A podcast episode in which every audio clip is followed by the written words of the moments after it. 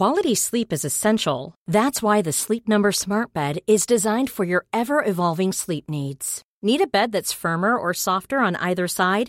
Helps you sleep at a comfortable temperature? Sleep Number Smart Beds let you individualize your comfort so you sleep better together. JD Power ranks Sleep Number number 1 in customer satisfaction with mattresses purchased in-store. And now save 40% on the Sleep Number limited edition Smart Bed for a limited time. For JD Power 2023 award information, visit jdpower.com/awards. Only at Sleep Number stores or sleepnumber.com. Many of us have those stubborn pounds that seem impossible to lose, no matter how good we eat or how hard we work out. My solution is PlushCare. PlushCare is a leading telehealth provider with doctors who are there for you day and night to partner with you in your weight loss journey. They can prescribe FDA-approved weight loss medications like Wagovi and Zepbound for those who qualify. Plus, they accept most insurance plans. To get started, visit plushcare.com slash weight loss. That's plushcare.com slash weight loss. Flexibility is great. That's why there's yoga. Flexibility for your insurance coverage is great too. That's why there's United Healthcare Insurance Plans. Underwritten by Golden Rule Insurance Company, United Healthcare Insurance Plans offer flexible, budget friendly coverage for medical, vision, dental, and more. One of these plans may be right for you if you're, say, between jobs, coming off your parents' plan, turning a side hustle into a full hustle, or even missed open enrollment. Want more flexibility? Find out more about United Healthcare Insurance Plans at uh1.com. Palmemordet. Författardiskussion med Wall och Pettersson, del 1.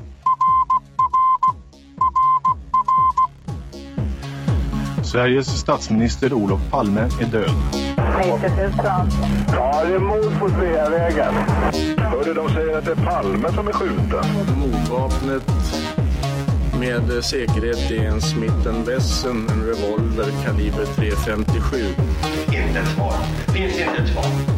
För jag har inget. Och jag har inte varit Varför skulle jag Polisen söker en man i 35 till 40-årsåldern med mörkt hår och lång mörk rock. Hej! Dan här. Idag sitter jag i Aggikals lokaler på Västerlånggatan, inte långt ifrån där Palme bodde. Aggekall gör en podd som heter Väg 74 som handlar om systemutveckling. Så om du jobbar med programmering och liknande så ta och lyssna på den. Vi sitter i deras studio där de spelar in den podden. Och med mig har jag ett antal intressanta personer. Först ut är Gunnar Wall. Hej Gunnar! Hej! Hej! Det var allt för länge sedan du var med i podden förra gången. Ja, det var flera veckor sedan. Så ja, jag vet inte vad jag ska säga. Du får komma hit lite oftare. Ja, okej, okay, jag får satsa på det. Bra. Eh, med mig har jag också Tobias Henriksson. Hej Tobias! Hej! Hej! Det är kul att vara här. Jag har inte varit i de här lokalerna innan. Vi har gjort lite avsnitt innan minst sagt. Så att, uh... Ja, ni skulle bara veta var jag och Tobias har spelat in de avsnitten någonstans. det är inte officiellt. Nej, det är det inte. Men om ni går in på instagram.com... Nej, Nej gör inte det. Nej, vi hoppar över det. Eh, ja, och då lämnar jag över ordet till dig. Ja, för att idag hade vi tänkt oss en liten författardiskussion där vi tittar på två, minst två olika teorier eh, kring Palmemordet. Och, eh, vi har ju med oss Gunnar Wall som sagt, men också Thomas Pettersson eh, som har skrivit en artikelserie och en bok om eh, Ja, Skandiamannen helt enkelt. Ja. Och ja, om vi sammanfattar. Och där, där har vi ju där har vi pratat med tidigare också.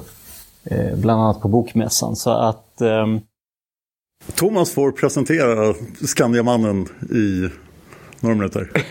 I korta drag. Ja, och, och, vad du skrev om i somras. Ja, precis. Ja, nej, men det här det har ju varit ett, ett långt intresse för mig. Jag ramlade in lite slumpartat på det här med Palmemordet. Men så småningom så blev det ju allt mer fokus på den så kallade Skandiamannen. Och um, i, våras då så kom ju den här artikeln i Filter som väckte rätt stort uppseende. Och det var ju på något sätt en sammanfattning utav det som jag hade jobbat med under ja, ganska lång tid då faktiskt. Eh, och ja, vi har ju pratat om det i podden förut, så mm. helt okänd är han ju inte, Skandiamannen såklart. Eh, han jobbar ju i närheten där på ett försäkringsbolag. Kommer ut eh, några minuter innan skotten. Han drar sitt kort i, i eh, kortläsaren på, på försäkringsbolaget och kommer ut eh, lagom till, till mordet några minuter innan. Eh, och det var ju det här som jag upptäckte ganska tidigt. Och jag var ju inte först på det. Det var ju flera som har varit eh, och intresserat sig för Skandiamannen. Men det gjorde ju att, att här finns det ju en person som befinner sig på brottsplatsen. Och som dessutom då har ett, ett signalement som stämmer väl överens med, med gärningsmannen om man tar det sammanvägda. Plus att han hade de här specifika detaljerna. Den här lilla väskan, den här kepsen som förekommer på på något ställe. Eh, och även glasögon. Man ska säga att det är ju den här handledsväskan som ett vittne ser. Och den väckte ju tidigt eh, upp, ja, uppmärksamhet. Holmér nämner den på söndagen är det väl efter mordet så säger han att vi är ett vittne som har sett den här. Så att eh, det fanns ju anledning att intressera sig för honom. Plus att det då också i förundersökningsmaterialet finns den här uppgiften som han då eh, var ensam om. Eh, där han ser ett, ett vittne och han är ensam om den uppgiften från, från vittnessidan. Sen kommer Lisbeth senare i april och kommer med samma uppgift. Men han, eh, han utmärker sig på det här viset. Eh, så det var ju en, en start att gräva vidare med och när artikeln kommer i Filter så har vi ju kunnat bygga på då med dels att han har nära till vapen. Han har en vapensamlande vän som har relevanta vapen. Eh, och han har också skyttevana belagd tidigare i livet. Så att eh, det var ju, var ju den nya. En del av det här var ju känt sedan förut. Plus att vi då, när boken kommer sen, så har vi också kunnat, eh, vi säger eftersom jag har jobbat tätt med, med Filters redaktion, tidskriften Filter och förlaget Filter. Ehm, då kunde vi också bygga på med eh, en psykologisk profil eh, utifrån forskning runt eh, politiska attentat. Det politiska motivet det fanns ju redan innan att han hade en, en, en bakgrund i Moderata samlingspartiet, Moderaterna. Och att han också var dokumenterat Palmefientlig. Dock inte en Alf Enerström-typ så att han var utåtriktat eh, extrovert, Palmefientlig, så att han drog uppmärksamheten till sig. Man tillhörde väl den där tysta skaran i landet som intensivt avskydde Olof Palme.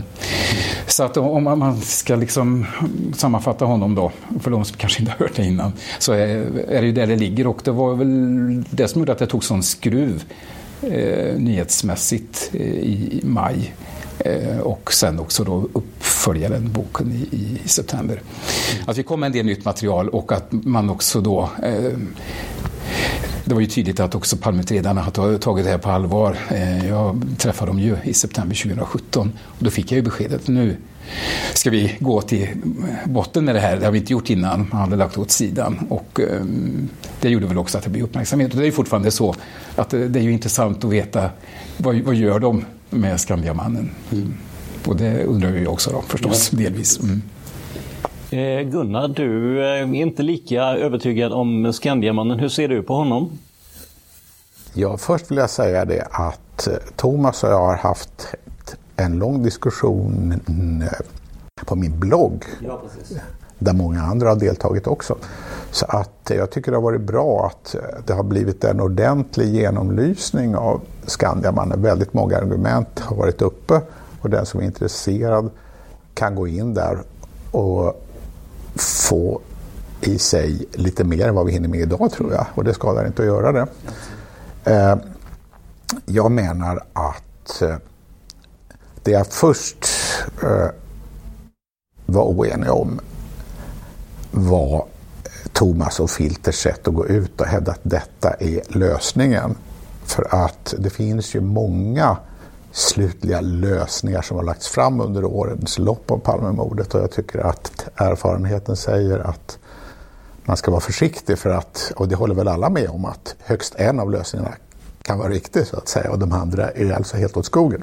Så att, och jag tycker att jag tycker inte att jag tycker inte att Thomas och Filter går i mål helt enkelt. Och det är det det handlar om mycket i den här diskussionen, alltså hur starka är de argumenten som har lagts fram? Och jag har försökt att fokusera på de olika inslagen i Thomas argumentering och argumenterat emot Delvis för att jag tycker att det behövs motargument och delvis för att jag i en del fall verkligen har känt att, eh, att motargumenten är så starka så att de sopar undan en del av Thomas argument. Och eh, alltså, om, man ska, om man ska säga det som är positivt med att studera Skandiamannen överhuvudtaget det är ju det att det finns en massa frågetecken omkring honom, det är helt uppenbart. Han har alltså, alltså lagt fram en egen version av vad han gjorde på mordplatsen som i väldigt liten utsträckning knappt alls stöds av andra vittnen. Han, eh, han har alltså beskrivit det som att han hjälpte till eh, med återupplivningsförsöken. Han talade med Lisbeth, han informerade polisen. Eh, han var oerhört aktiv och det, här, alltså det stämmer väldigt illa med vad andra har sagt. Och det ställer ju frågor.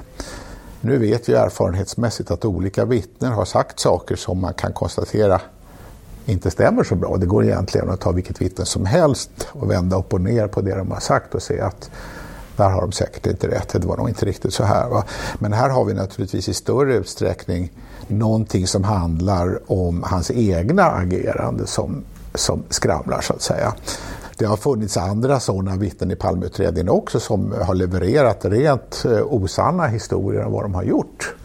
Eh, så det är, alltså, det är inte heller unikt i och för sig, men av Sveavägsvittnena så är han ju speciell på det sättet. Eh, då menar jag att man får ju ha klart för sig att det finns ju många skäl till att människor kan komma med felaktiga uppgifter om vad de har gjort. Exempelvis för att framställa sig i bättre dagar än vad de kanske känner på sig att de har rätt till så att säga. Och, och Skandiamannens version av, av vad han har gjort går ju genomgående ut på att han var aktiv, han var kompetent, han var, han var på hela tiden, han gjorde rätt saker. Så att det är det han har slagits för. Och det, det är inte svårt att se motiv till att man kan säga sådana saker om man egentligen känner på sig att det kanske, kanske inte var riktigt så. Va? Så att det räcker ju inte i sig naturligtvis för att säga att han måste vara skyldig bara det att det han har sagt inte, inte stämmer. Va? Och sen kan man ju gå in, och det ska vi väl göra under den här diskussionen, på, på olika led i det hela. Men en sak som jag vill peka på redan nu, det är ju det att Thomas har ju eh, alltså en eh, en, om man så vill, svaghet i Thomas argumentering är ju det att Thomas har laborerat med olika, olika varianter. Till exempel, hade han med sig ett vapen själv eller skaffade han vapnet under kvällen? Eh, var det en ren slump att han kom ut på gatan utan att han visste om att Palme skulle dyka upp? Eller hade han någon sorts information som tydde på att Palme skulle dyka upp? Ett av alternativen Thomas lagt fram är ju det att han hade varit vid Grand efter filmens slut och sett att makarna Palme började gå söderut.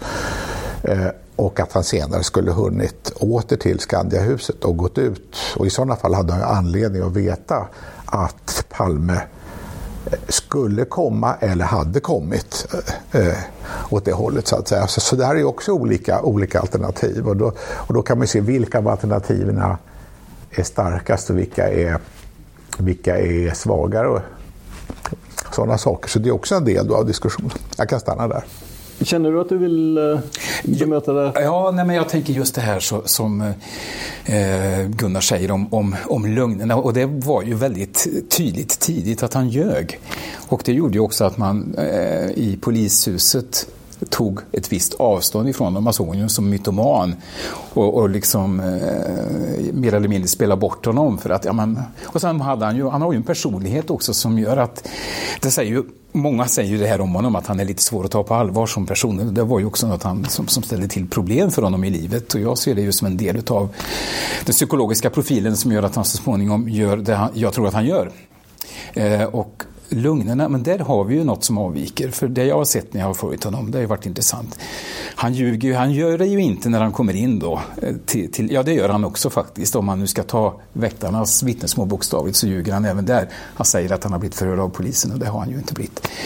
Men att eh, lögnerna följer ju ett mönster. Om man ser eh, hur historien och vad han får reda på genom tidningar och media så anpassar han sig ju delvis efter det. Och det som inte finns i hans liv i övrigt är det här att ljuga sig till någon form av uppmärksamhet och berömmelse, det finns inte. Här sker det då ett brott. eh, som inte är signifikativt för hans liv i övrigt. Utan han, han är väl som folk är mest, eh, att han kan bättra på någon historia eller att det finns något sådär när han kommer i trångmål med, med eh, skorstenen på hans hus eh, faller samman. Liksom, ja, då är det en, en, påstår han att det är en ballongfarare som kommer med något rep som har slagit till den här skorstenen. Så, men, men då, då, finns det ett syfte, då finns det det här att han vill eh, förmodligen då kanske komma undan försäkringsmässigt. Så att det här att ljuga sig till berömmelse, det är nytt. Och, eller att han på något sätt får, får den uppmärksamheten, det, det är nytt. Det har inte förekommit innan. Ehm, och det är därför också folk tror honom. Han, han är ju betrodd. Han är en betrodd person, han tar sig själv på allvar. Det ser man på det här rapportinslaget. Nu pratar jag om det som alla har sett det, men många känner till det i alla fall. Eh, eh, han tar sig själv på stort allvar, helt enkelt. Och eh, van vid också att, att eh, i någon mening att folk gör det. Sen att de skrattar kanske lite bakom ryggen på honom och vännerna inte tog honom på allvar. Men att i alla fall det första intrycket är han ju trovärdig. Sen det här med de olika scenarierna.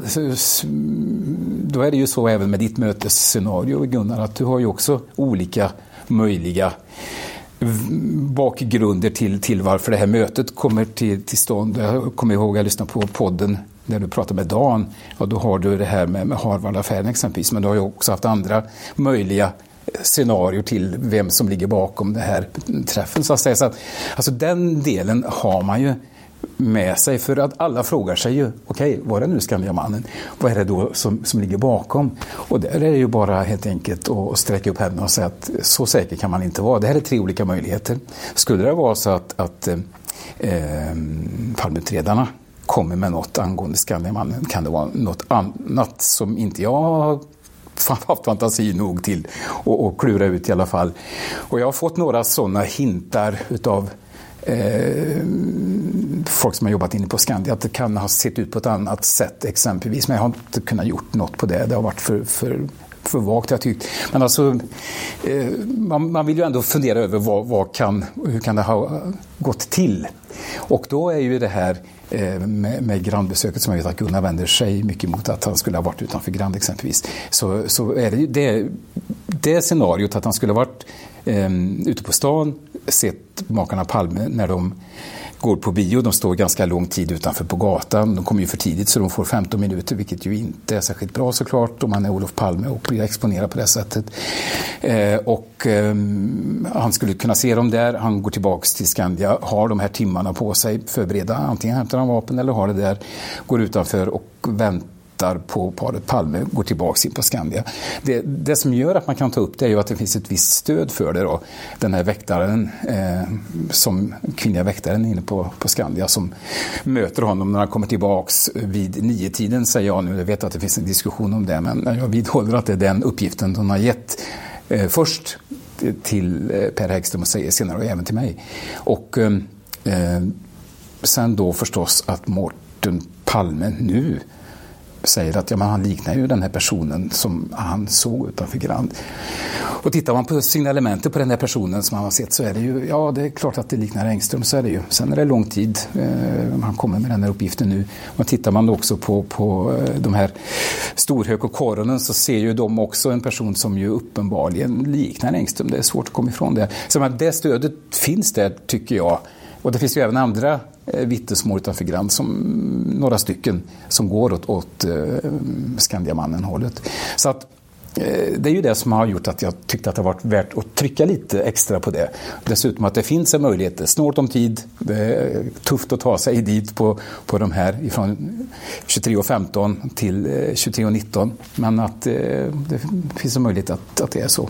Så att jag, jag, att scenarierna i, i sig det är ju inte där det avgörs, utan det avgörs på Sveavägen, det som händer när han stämplar ut, tänker jag. Det är där allt avgörs ifall han är gärningsman eller ej. Sen får man ju liksom nysta bakåt. Och det kan bli en helt annan lösning om man nu skulle fastna för Skandiamannen och, och Petersson skulle lägga fram något. Kan det vara något annat än nummer tre? En, en, en sak som eh, Gunnar sa här, som vi var inne på också när vi pratade i Göteborg. Vi kan bara ta det lite snabbt. Det var just det här eh, med artiklarna där ni gick ut och presenterade det som lösning. Ja, eh, vi, hade, vi pratade lite om det. Vi kan, bara, kan du bara sammanfatta hur ni tänkte kring det? För att eh, som Gunnar säger, det, det, finns, det finns en konkret lösning på Palmemordet. Hur den sen ser ut, det vet vi ju inte i dagsläget. Hur, hur resonerade ni kring, kring den, ja, vad ska jag kalla det, rubriksättningen eller taglinen eller vad vi ska kalla det? Ja, ja nej, men alltså, om man tittar på fakta ifrån brottsplatsen så tycker jag ju att det finns täckning för det. Eh, och sen är det klart hur man lanserar det, om man drar hårt på det. Men, men att vi får väl se, vi kanske har fel. Och då får man ju bita i ett surt äpple. Men att eh, vi kan också ha rätt. Men alltså, skulle ni ha fel så har ni också möjligheten att använda samma rubrik en gång till och hitta ett annat spår just så att det, det ger sig. Kanske det. Ja, men eh, Gunnar, vad, vad säger du? Eh, du instämmer ju inte i att det här kan vara lösningen. Tror du att det finns någon bäring på att Skandiamannen kan ha varit inblandad? Var han överhuvudtaget på platsen eller inte? Ja, jag tänkte om vi bara ska försöka ja, ta en sak i taget så vill jag börja med Grand. Om han var vid Grand så absolut, kanske jag kan ta absolut. de andra sakerna för att svara på Thomas direkt. För det finns ju två, två tillfällen då han enligt, enligt Thomas kan ha varit vid Grand. Det första är alltså omkring klockan 21 då han skulle sett makarna Palme och det andra tillfället är omkring klockan 23 och, och, då kan man säga att han skulle knappast ha gått till Grand klockan 23 om han inte visste att makarna Palme var där. Så att eh, om det första tillfället faller, då blir det andra också ganska osannolikt så att säga. Och det första tillfället det bygger då på de här uppgifterna från från en väktare som har kommit med uppgifter till, eh, till andra personer om att det skulle kunna ha varit omkring klockan 21 som han var ute. Men där kan vi då konstatera att det polisförhör som finns i utredningen, där är hon mycket tydlig med att hon kommer till jobbet klockan 20.10 och hon har speciella argument för av vilken anledning det är den tiden som är tidigare än hon brukar komma. Och hon säger att det var i anslutning till det som han knackade på Skandias entrédörr och kom in. Eh, att hon sen i andra sammanhang har uppgett andra saker, då måste man ju väga det emot det. Och man ska också komma ihåg att alldeles efter polisförhöret så hör hon av sig med kompletterande uppgifter och då rättar hon inte dessa uppgifter. Så det är inte så att hon har gått hem och kommit på att aj, det blev fel, utan det är lite mer invecklat än så. Så att, säga. Så att jag tycker att hennes uppgifter om att det var klockan 20.10 måste man ta på ett visst allvar. Eh, när det gäller observationer från Grand klockan 21 så finns det ju vittnen som har sett en grandman, eller alltså folk som skulle kunna vara grandmannen. Men jag tycker inte att någon av dem stämmer bra på Skandiamannen utan då skulle det i sådana fall vara så, du har sagt Thomas, att han kan vara där utan att någon har observerat honom. Eh, det andra att han skulle varit där eh, omkring klockan 23. Där finns det ju flera vittnesmål som är dramatiska och en del av dessa vittnesmål går ju ut på att det är en man med keps och glasögon, vilket stämmer med Skandiamannen, och jacka är genomgående, vilket inte stämmer med Skandiamannen. Och det finns också eh, ett vittnesmål från flygledaren som jag har lyft fram mycket i olika sammanhang som, som inte innehåller uppgifter om keps och glasögon. Så att eh, eh, istället har den mannen på sig en gul mössa av något slag. Ingen, ingen uppgift om att det skulle vara en keps på något sätt. Eh, vad gäller Mårten Palme, han trodde det var Pettersson han såg och det var ju någonting han sa för mycket länge sedan. Så att eh, eh det låg ju mycket närmare i tid än när han nu så att säga tar del av uppgifterna om Skandiamannen och då observerar uppgifterna om keps och glasögon. Så att jag vill påstå att eh, när han nu kommer med de uttalandena så väger inte det så väldigt tungt skulle jag vilja säga. Det andra är att vi vet att Mårten talar om en man som åtminstone inte lämnar området, området kring Grand före makarna Palme utan snarare efter. Och om detta skulle vara Skandiamannen så vet vi ju det att eftersom han stämplade ut ifrån Grand, vi vet att han stämplade ut och att han efter det talade med väktarna, oklart hur länge, kanske upp till två minuter enligt vissa uppgifter. Och han skulle i sådana fall inte ha tagit sig in den närmaste vägen utan han skulle ha gått in en bakväg i huset och det innebär att om vi tänker oss att det var cirka 23.15 som makarna Palme börjar gå så skulle han samtidigt som de hinner komma gående fram till ungefär Skandiahusets entré så skulle han alltså ha hunnit med att ta sig in i Skandiahuset bakvägen, eh, stämpla ut, snacka med vakterna och hinna fram och var före makarna Palme. Alltså, alltså för mig så tycker jag det låter mycket tajt. I synnerhet som Thomas argumenterar för att det som hände klockan 23, strax efter 23 var att Skandiamannen hade sökt sig dit med sitt vapen för att skjuta Palme men ångrat sig, så att säga inte vågat. Och om det var fallet så har jag svårt att tänka mig att han skulle liksom ha rusat till Skandiahuset utan då är det ju någon som inte har lyckats med sitt uppsåt utan som lite skamset och moloket skulle ha lullat dit ungefär och det är snarare längre tid. Va? Sen kan man också tänka sig, alltså, alltså det är svårt att förstå själva upplägget, då skulle han alltså Selling a little or a lot? Shopify helps you do your thing however you cha-ching. Shopify is the global commerce platform that helps you sell at every stage of your business. From the launch your online shop stage to the first real life store stage, all the way to the did we just hit a million orders stage. Shopify is there to help you grow. Shopify helps you turn browsers into buyers with the internet's best converting checkout. 36% better on average compared to other leading commerce platforms because businesses that grow grow with Shopify. Get a $1 per month trial period at Shopify.com slash work. Shopify.com slash work.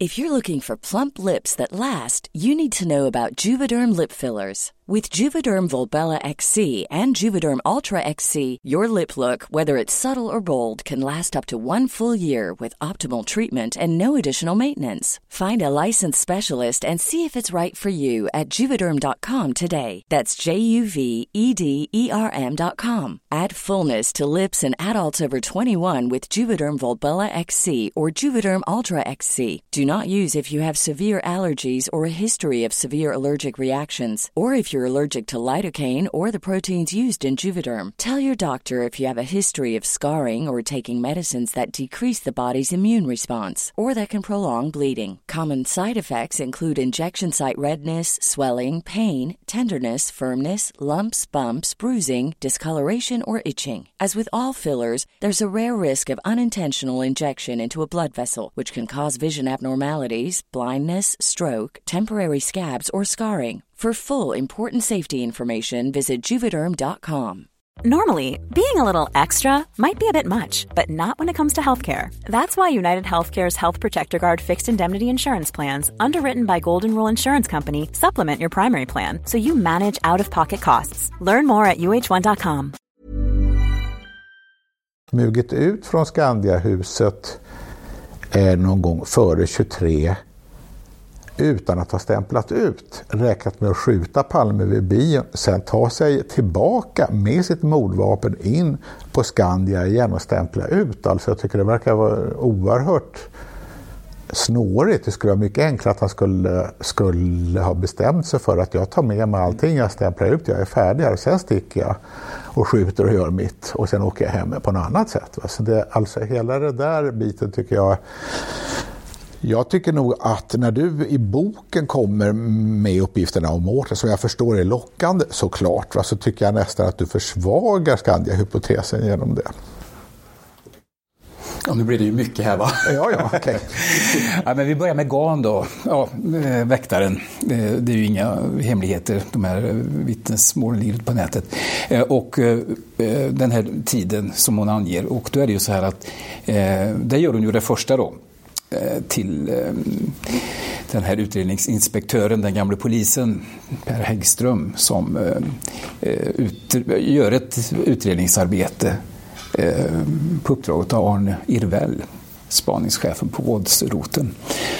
Och då lämnar hon den uppgiften till honom och det är också den som man ser i protokollen på nätet och sånt där att, att han kom in då vid 21-tiden. Sen är det som du säger att hon lämnar en annan tidsuppgift i eh, polisförhöret.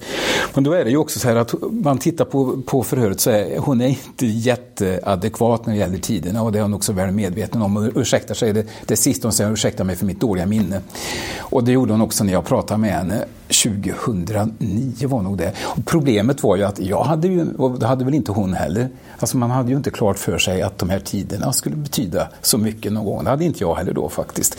Men jag pratade med henne så kom hon tillbaks till det här och då säger hon att hon hade lämnat fel uppgift i polisförhören utan den, den första uppgiften var rätt. Och det här har jag fått anstränga mig för att komma ihåg, för jag har ju anteckningar kvar, men jag, jag eh, har det som jag hänger upp det på är att vid det här tillfället så var jag väldigt inställd på att eh, Skandiamannen var eh, ute på stan och övervakade Palme. Det var min teori då. Det var ju en observation i Gamla stan vid halv nio-tiden någonting. Och hade det här stämt då med, med Gans eh, vittnesmål om att han kom tillbaks vid eh, någonstans efter åtta där, ja då är ju det fallit. Och det gjorde det inte och eh, det var det jag hade som hjälp också att hänga upp det på att när de korrigerade, för de hade ju också kunnat sagt någon annan tid, alltså, eh, men då var det 21 som hon kom tillbaka till. Så att eh, det är det jag har att säga om det. Att det var, när jag pratade med henne då så kom hon tillbaka till att hon hade minst fel. Men eh, det, alltså det, det, ju, det, finns en viss osäkerhet med henne. Eh, så är det. Hon är inte helt eh, säker i sina uppgifter. Och det säger hon själv. Ehm, och att det här att han utanför Grand då, det tror jag ju, alltså om man tänker att han passerar vid Grand vid den här tiden så har nog säkert ingen sett honom. Han kan ju till och med ha sett det på avstånd, han kan ha hört det till och med. Oj, titta där är Palme. Alla snackar ju om det så fort de såg Palme på stan gick snacket liksom att titta där kommer, kommer Olof och Lisbeth. Så han behöver inte alls ha varit speciellt nära så att, att man har gjort några observationer med honom grann tänker jag. Utan den, den observationen kan han ha gjort ändå. Eller fått höra helt enkelt.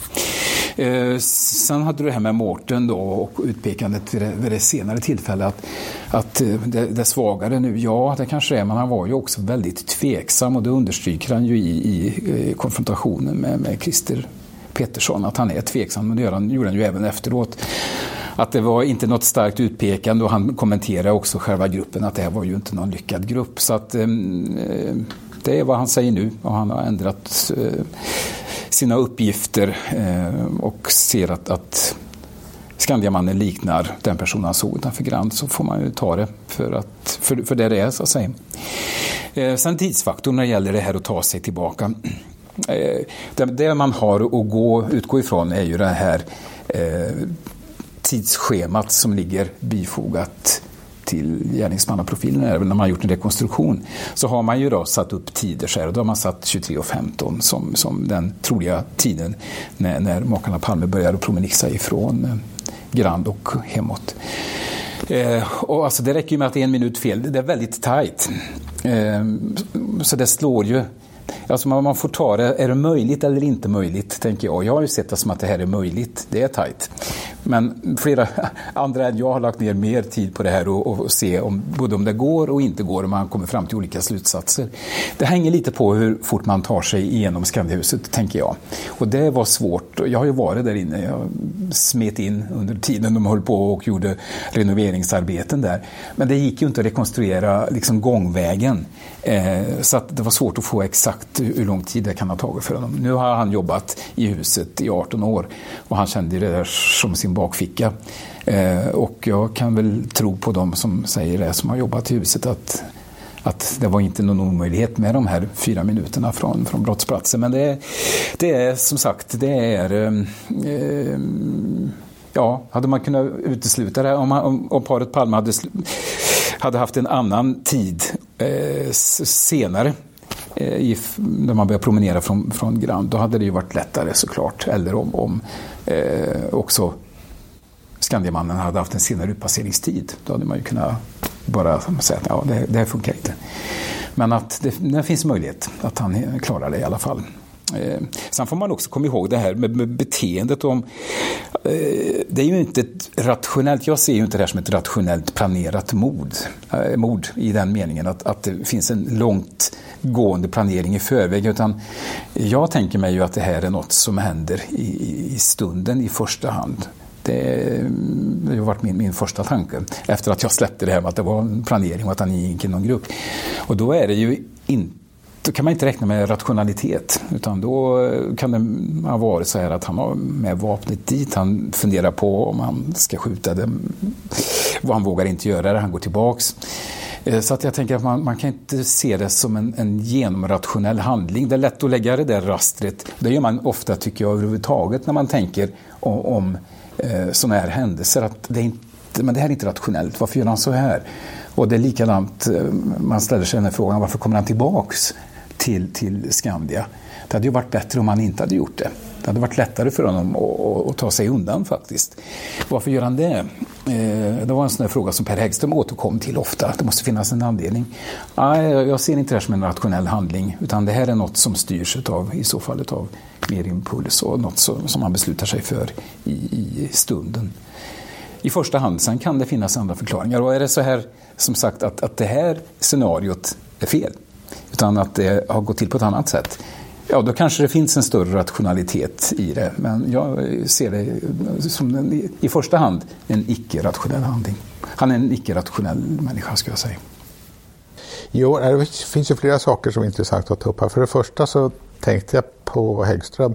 För man måste ha klart för sig hans roll i förhållande till till exempel Anna-Lisas vittnesuppgifter. För han bestämde sig tidigt för att intressera sig för Skandiamannen. Och eh, kom rätt snart att börja formulera hypoteser om att det kunde vara mördaren.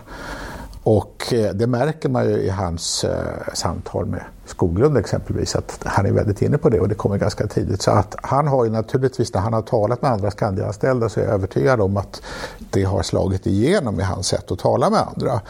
Och det gör ju att man får vara försiktig med Anna-Lisas Eh, Eh, kommentarer i efterhand just eftersom hon är en person som har lätt för att bli osäker på sig själv som du sa så är det klart att om nu Häggström utsatte henne för eh, en kampanj som gick ut på att här har vi något viktigt, det är något skumt med Skandiamannen. Då är det klart att hon kan ha tagit intryck av det. Ja, det kanske inte var 2010, det kanske var 21 och så vidare. Så att det där är ju omgivet med en osäkerhet och det var ju till och med så att Häggström han, han var så fokuserad omkring Skandiamannen så han fick ju, fick ju till sist bekymmer på arbetsplatsen för att han ägnar sig för mycket åt det. Eh, vill jag minnas att han har sagt.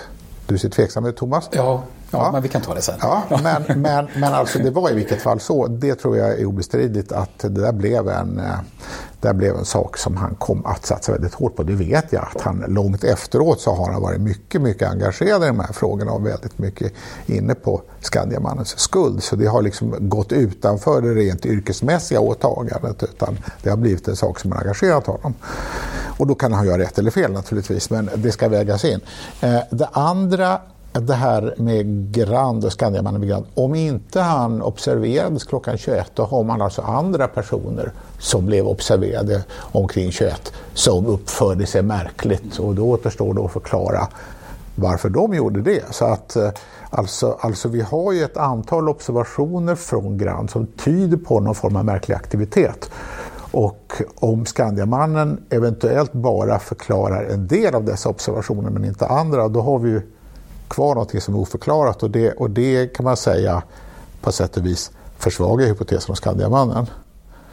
Eh, sen så tänkte jag bara säga det att det här med eh, att det skulle handla till stundens ingivelse, då har vi ju kvar hela frågan om vapnet. För då måste man antingen tänka sig att han, att han alltid gick omkring med ett skjutvapen utan att det var känt överhuvudtaget. Och det, alltså folk brukade inte ha revolvrar på sig som regel och inte hederliga människor så att säga. Det var inte vanligt under 80-talet utan det var ju rätt exceptionellt skulle jag vilja påstå. Och det andra, andra alternativet är ju att han då till exempel ringde vapenexperten en fredagkväll och sa att jag behöver en Magnum och det skulle kräva Alltså, alltså jag vet inte under vilka omständigheter vapenexperten skulle säga okej, okay, jag skickar över den med en taxi. Det är, det är helt okej, okay. jag bryr mig inte om vad du ska använda den till. För att det finns ingenting som tyder på att vapenexperten skulle varit inblandad i en konspiration. I alla fall har inte du hävdat det. Så att, så att eh, stundens ingivelse kräver ju att man kan komma med en övertygande argumentering om hur det kom sig att han hade ett vapen. Och där, och där tycker jag det återstår en del att säga. Sen det här med om han skulle vara rationell eller inte, det vet jag att när du, när du bygger på Clark eh, så eh, laborerar du med hypotesen att Skandiaman skulle vara en person som försökt att komma undan, alltså inte en sån som ville åka fast. Va?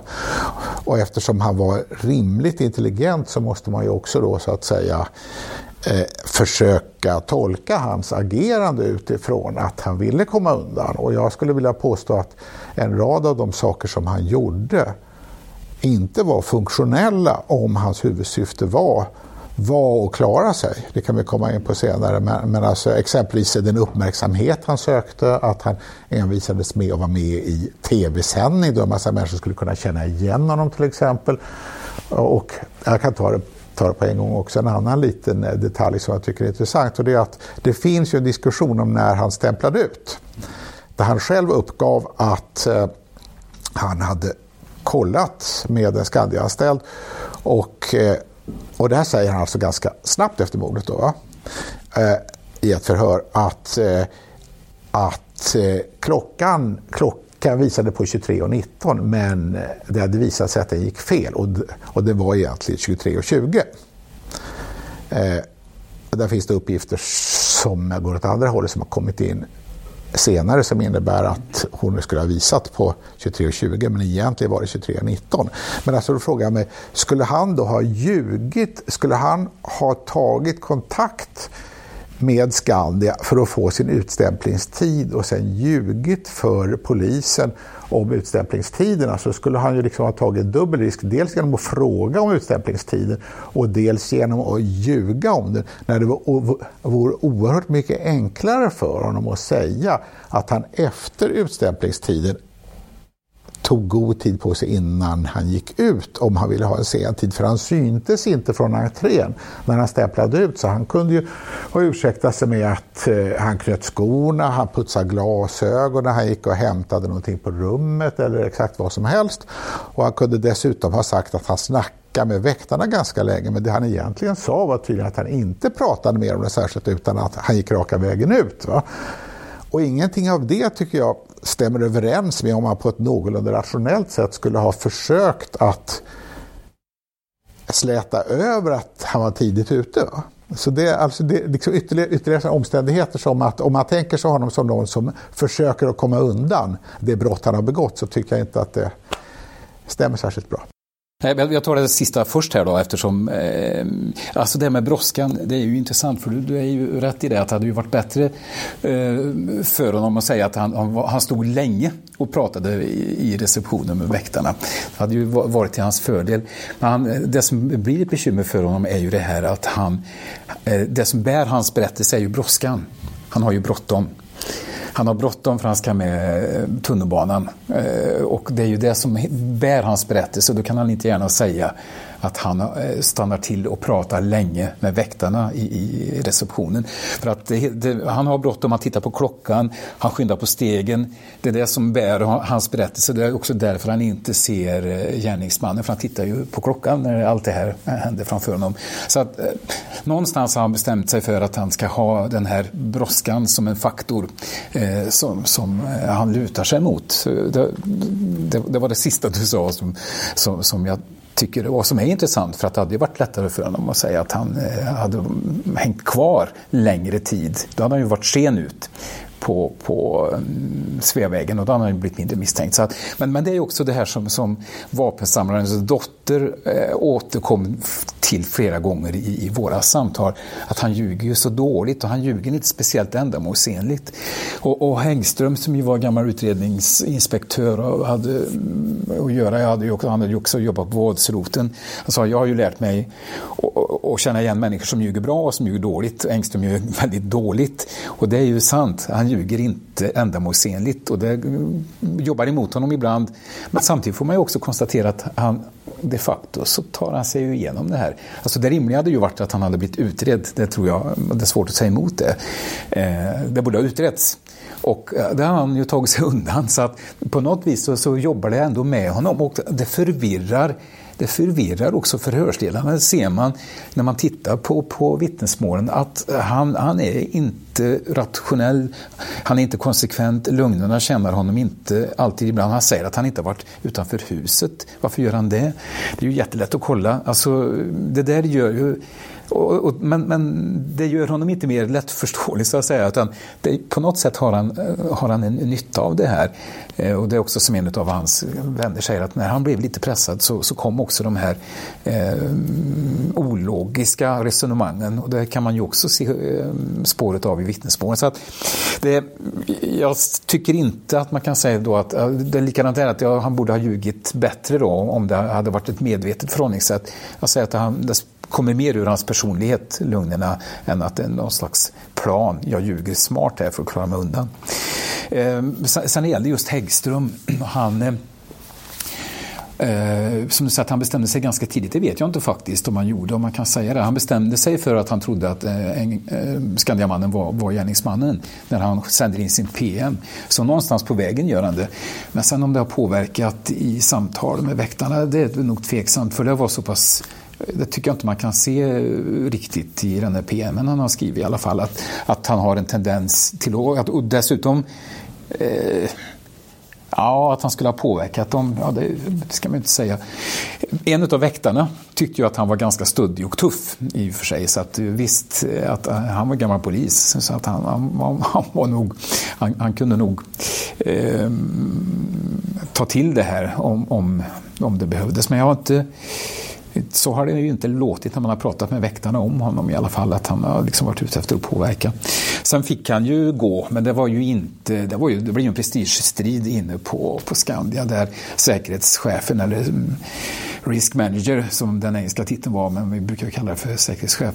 Eh, han gillar ju inte det här helt enkelt, att eh, mm, Häggström utredde. Han kände sig förbigången och trampade på tårna. Så att, eh, eh, att han fick sparken, det var ju för att han gjorde sig ju delvis eh, impopulär i ledningen genom att han på något sätt verkar under deras radar. Och eh, det, det, var ju något möte där eh, någon eh, försökte förklara för, för, för den här säkerhetschefen och även någon i ledningen att, att det var ju ett polisiärt eh, att man samarbetar med polisen. Det var inte eh, meningen att gå förbi ledningen på Skandia så att säga.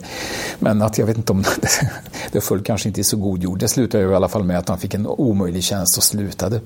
Men om det var för att han hade ägnat för mycket tid åt det, det var nog snarare att, att man kände sig trampade på tårna. Man borde ha gått den korrekta vägen över ledningen och, och tagit det på det sättet. Eh, och sen när det gäller vapentillgången, ja det är ju det här, alltså jag är ju inte, som du säger, det, jag kan ju inte bevisa det. Att eh, Engström fick vapnet av den här vapensamlaren. Det, så är det ju. Eh, däremot så, så, finns det ju såklart en, en möjlighet. De har samma politiska åsikter om Palme.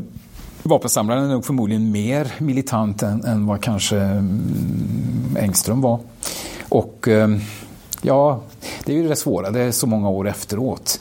Man kan se att, att det finns en intressegemenskap, man kan se att det finns en oro. Hemvärnet var ju dessutom, eh, vapensamlaren var ju chef, lokalchef i Täby eh, i, i Hemvärnet och Hemvärnet hade ju en rejäl konflikt med, med Palme vid den här tiden. Man såg honom ju som att han höll på att sälja ut mm, Sverige eh, med en, en, lagstiftning som skulle göra polisen till medlöpare i ett tidigt skede i, i, i ett ockupationsläge. Så att det finns ju en ganska bestående intervju med hemvärnschefen i Stockholm där, där, man verkligen får klart för sig den här konflikten som fanns mellan hemvärnet och Palme. Det, det var inga, ja, det var en hård stämning mellan eh, hemvärnet och Palme under den korta perioden. Sen drog man tillbaka det lagförslaget, det blev ju inget. Den andra hade gått bort. Så att, eh, alltså, ja.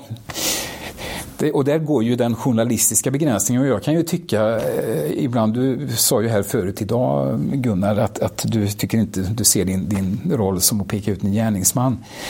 Och jag tyckte ju att det här var, jag, jag kände ju ett motstånd mot att gå in och gå längre och börja prata med vännerna och försöka, jag, jag tyckte det är egentligen polisiär.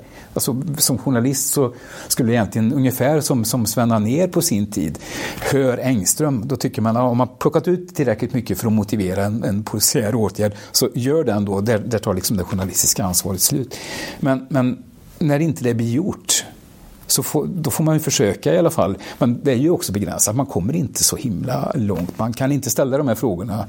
Man kan inte konfrontera personer på det samma sätt som, som polisen gör. Så man har ju hela tiden en begränsning. Plus att tiden är så långt gången. Så att man, man, får ju verkligen nöja sig med att se att okej, okay, här finns det en möjlighet. Vapensamlaren, vapnen, rätt eh, ja, Magnum-revolvrar. Man har ju också provskjutit med största sannolikhet några av de här vapnen.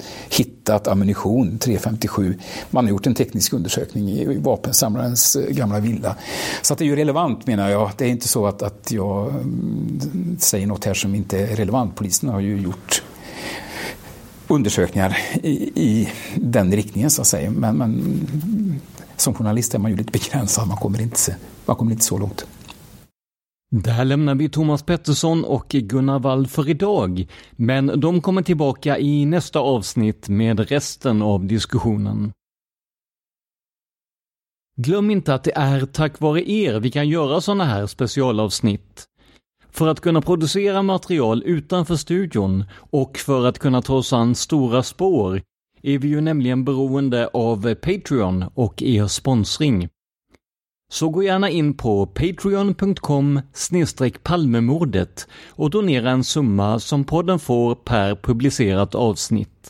Det är alltså patreon.com palmemordet. Och eh, gå gärna in på vår Facebook-sida och kommentera dagens avsnitt. Vi finns på facebook.com palmemordet. Om du går via Facebook-appen Sök bara på Palmemordet. Det här avsnittet gjordes av mig, Tobias Henriksson, på PRS Media tillsammans med Dan Hörning. Stort tack till Gunnar Wall och Thomas Pettersson som ställde upp på den här idén. Och tack till er för att ni lyssnar på podden Palmemordet. Man hittar Palmes mördare om man följer PKK-spåret till botten. Därför att ända sedan Julius Caesars tid har det aldrig hört talas om ett mord på en framstående politiker som inte haft politiska skäl. Polisens och åklagarens teori var att han ensam hade skjutit Olof Palme. Och det ledde också till rättegång. Men han frikändes i hovrätten. Nu ska vi ut på rövarstråt. Ja, vi ska ut och röva. A lot can happen in the next three years. Like a chatbot may be your new best friend. But what won't change? Needing health insurance. United Healthcare Tri Term Medical Plans are available for these changing times Underwritten by Golden Rule Insurance Company, they offer budget-friendly, flexible coverage for people who are in between jobs or missed open enrollment. The plans last nearly three years in some states, with access to a nationwide network of doctors and hospitals. So for whatever tomorrow brings, United Healthcare Tri-Term Medical Plans may be for you. Learn more at uh1.com. Hi, I'm Daniel, founder of Pretty Litter. Cats and cat owners deserve better than any old-fashioned litter. That's why I teamed up with scientists and veterinarians to create Pretty Litter. Its innovative crystal formula has superior odor control and weighs up to 80% less than clay litter. Pretty Litter even monitors health by changing colors to help detect early signs of potential illness. It's the world's smartest kitty litter. Go to prettylitter.com and use code ACAST for 20% off your first order and a free cat toy. Terms and conditions apply. See site for details. Want flexibility? Take yoga. Want flexibility with your health insurance? Check out United Healthcare Insurance Plans. Underwritten by Golden Rule Insurance Company, they offer flexible, budget friendly medical, dental, and vision coverage that may be right for you. More at uh1.com.